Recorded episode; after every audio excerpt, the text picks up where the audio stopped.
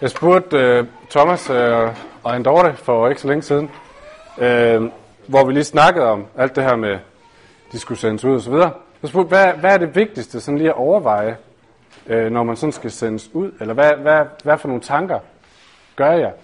Og så svarede Thomas, øh, nu ved jeg ikke, om det var ordret, men noget i den her retning.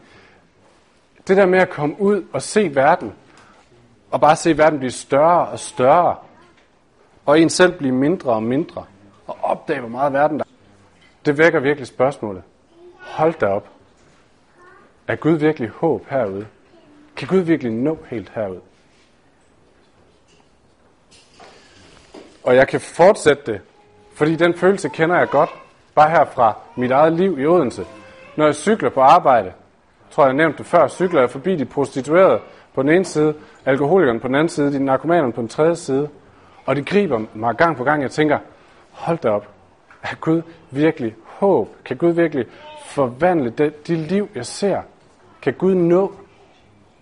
Eller bare når jeg er på mit arbejde, sidder sammen med min, mit andet arbejde, sidder sammen med mine kolleger, og så tænker, hold op, er Gud virkelig håb også for dem? Er Gud, kan han gribe ind i deres liv? Er han relevant for dem?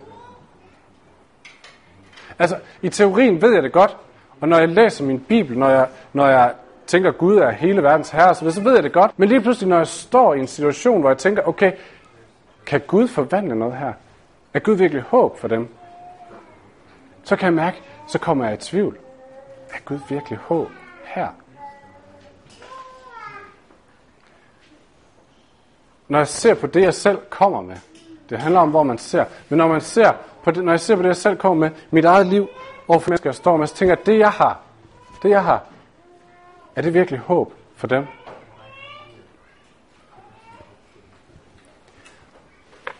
Og jeg tænker, at det her spørgsmål, det er virkelig relevant. Det er virkelig relevant, uanset om man er på vej til Peru, eller om man bare lever i Odense. Det her spørgsmål, hvad vi tænker om det, er Gud, er det, jeg kommer med, virkelig håb for verden?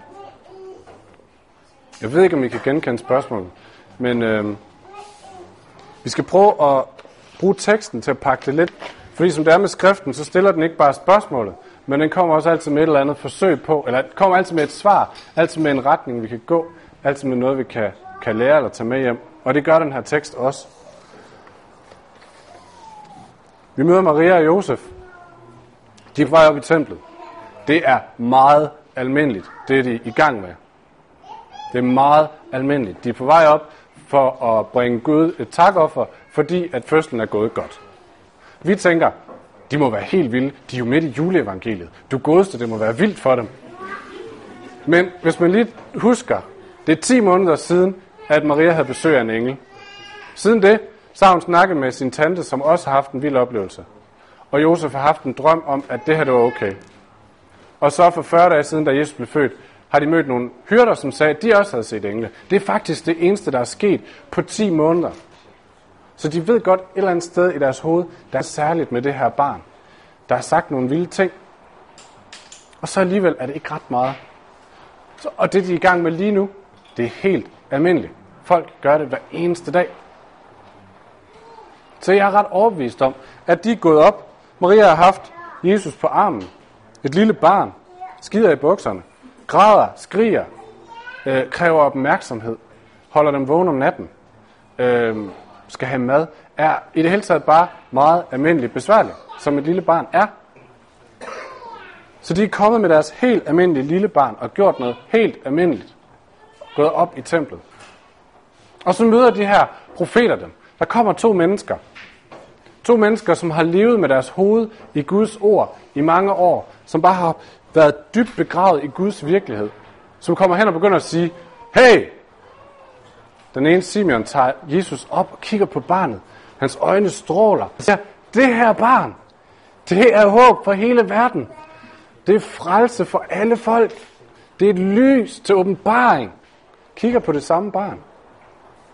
Og så står der, du ved ikke, om I mærke til, så står der, Josef og Maria undrer sig over det, de hørte. Og det kan jeg godt forstå. De kommer med deres eget lille barn, helt almindelige barn, og tænker, at det her håb for verden? Hvad er det, de ser forskelligt? Profeterne, Simeon og Anna, ser barnet og siger, det her, det er håb for hele verden. Maria og Josef kigger på barnet og siger, er det her håb for verden? Hvad ser de forskelligt?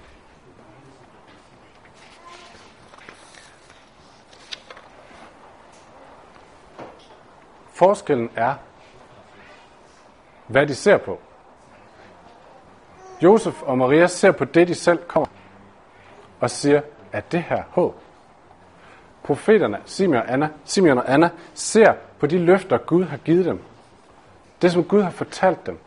De ser det samme, men de siger, Gud har lovet, at i det her barn vil han være til stede med alt sin kærlighed, alt sin magt, alt sit nærvær, alt hvad han er, er til stede i det her barn.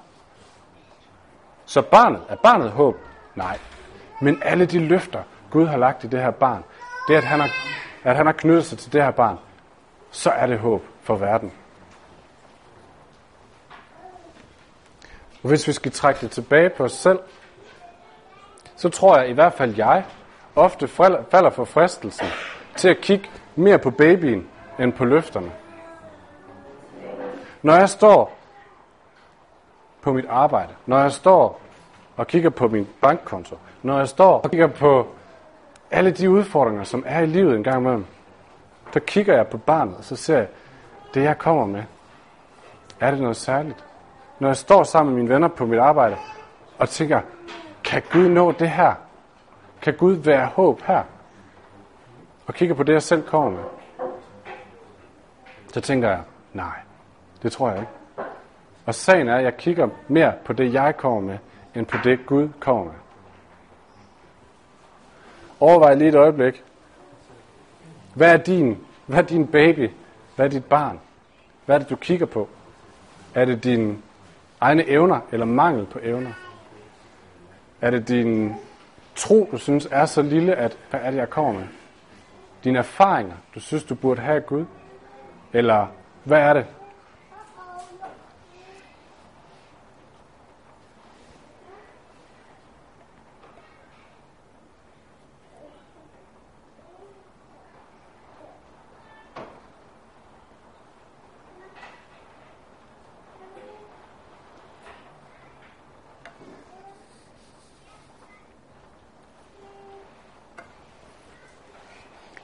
Jeg ved ikke, om I sådan kan, kan komme i kontakt med et eller andet, men,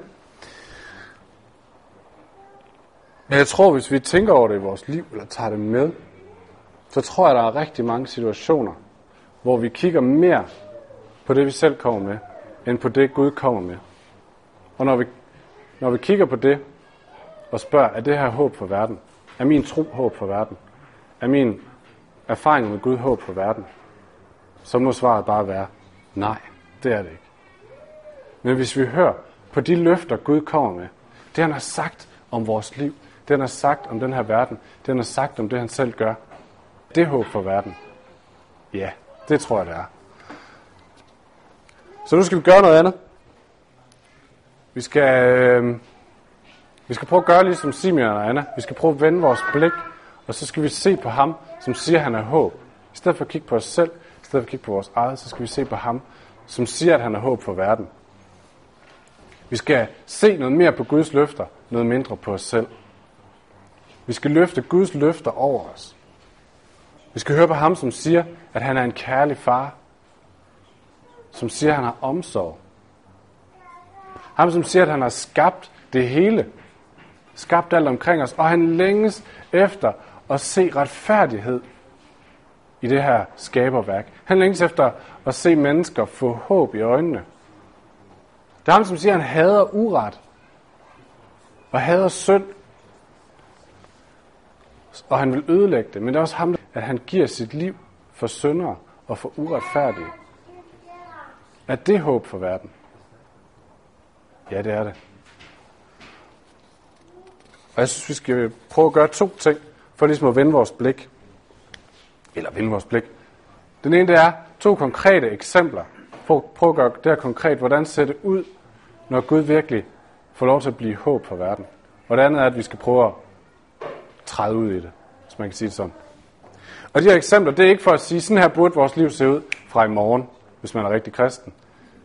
Men det her, det er eksempler for at vise, hvor konkret Gud virkelig lover at være håb for verden. Og hvor tillidsfuldt vi kan lægge os ud i de løfter, vi kan lægge vores liv i de løfter.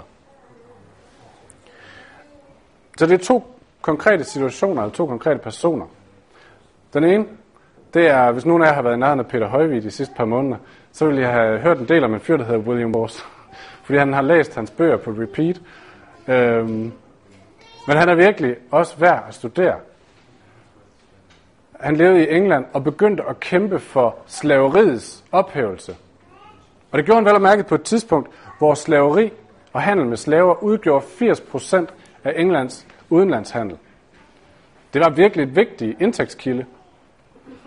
Han gjorde det, fordi han troede på, at Gud havde et andet syn på mennesker end det med slaveri. Og det gjorde han på et tidspunkt, hvor det var midt i oplysningstiden. Så alle religiøse argumenter, alle kristne argumenter, var fuldstændig til grin og blev latterliggjort. Og han begyndte at kæmpe for det her. Fordi han troede på, at Gud sagde, jeg har skabt mennesker lige. Der er ikke nogen, der er mere værd end andre. Og jeg har Jesus, da Jesus på korset, siger Paulus efter det, at der er ikke forskel på rig og fattig. Så derfor er det Guds kamp, at mennesker skal være lige. Derfor er det Guds kamp for retfærdighed. Og derfor kan han træde ud i den kamp og sige, hvis det er dine løfter, Gud, hvis du har gjort alle mennesker lige, men så kan vi også godt kæmpe for, at alle mennesker er lige. Så det er ikke Guds kamp. Nej, det er ikke hans kamp, men Guds kamp. Han kigger ikke på sig selv, men han kigger på Guds løfter. En anden er Desmond Tutu, som I sikkert har hørt om, også fra Sydafrika. En lille anglikansk præst, som dengang apartheidstyret blev ophævet, der frygtede alle, at der ville blive borgerkrig. Fordi at i så mange år havde det her folk levet sammen, og nogen var bødler, andre var ofre. Og nu skulle de prøve at leve som et. Og det kræver i alle menneskers øjne, at retfærdigheden skal fyldes. Nogen må straffes for alt det onde, der er sket. Nogen må have hævn. Så man forventede, at det her ville blive et kæmpe orgie af blod og død og ødelæggelse. Og ind i det begynder Desmond Tutu og andre med ham at snakke om tilgivelse og forsoning. Fordi de troede på, at Gud har sagt, der er en anden vej. Mit løfte, mit håb er, at forsoning mellem mennesker skal ske, og jeg har skabt vejen ved selv at forsone mennesker, ved selv at dø for uretfærdigheden. Og Desmond Tutu ser det og siger, okay, hvis det er Guds løfter, hvis det er Guds virkelighed, at nu er forsoning mulig, nu er tilgivelse mulig, jamen så kan vi også gå ud i det, for så er det Guds kamp, det er ikke vores kamp. Han så på Guds løfter, så mindre på sin egen formåen. Havde de her fyre gået ud i den her kamp og sagt, det kan jeg klare, så var der ingen af dem, der havde sejret, fordi det var så meget imod alt, men der foregik.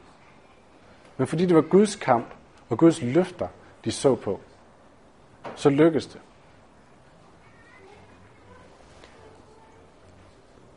Det samme er gældende for vores liv. Om vi så tager til Peru, eller om vi tager på arbejde, eller om vi, hvad vi end træder ud i, hvor vi tænker, er Gud virkelig håb?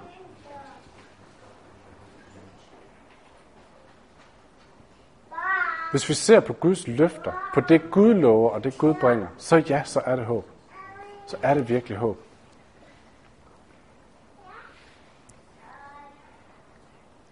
Nu vil vi prøve at, øh, at øve os i en gammel disciplin i fællesskab. For at øve os i det her med at se mere på Guds løfter end på vores egen formåen. Det er en gammel tradition, at når man beder til Gud, så i stedet for at begynde og sige, kære Gud, åh, det er så hårdt i mit liv, der er så mange ting, jeg ikke kan, og så meget, jeg vil ønske var anderledes. Så begynder mange af mine bønder. Men de gamle lærer os, begynd med at sige Gud tak for det, han er. Begynd at nævne de løfter, som Gud har givet dig. Begynd at nævne de løfter, de navne, som Gud kalder sig selv i Bibelen. Og lad det være det, der sætter perspektivet for dit liv og for din bøn. Så det vil vi gøre nu. Simpelthen bare Rejs os op alle sammen. Og så nævner vi højt i, på skift i kor, hvad ved jeg, Guds løfter. Gud er stor. Tak ham for det. Gud er far. Tak ham for det. Hvad du ellers lige kommer i tanke om, Gud han siger om sig selv, det som er Guds løfter. Så lad os, øh, lad os bede sammen. Tak fordi, at du siger, du er vores far.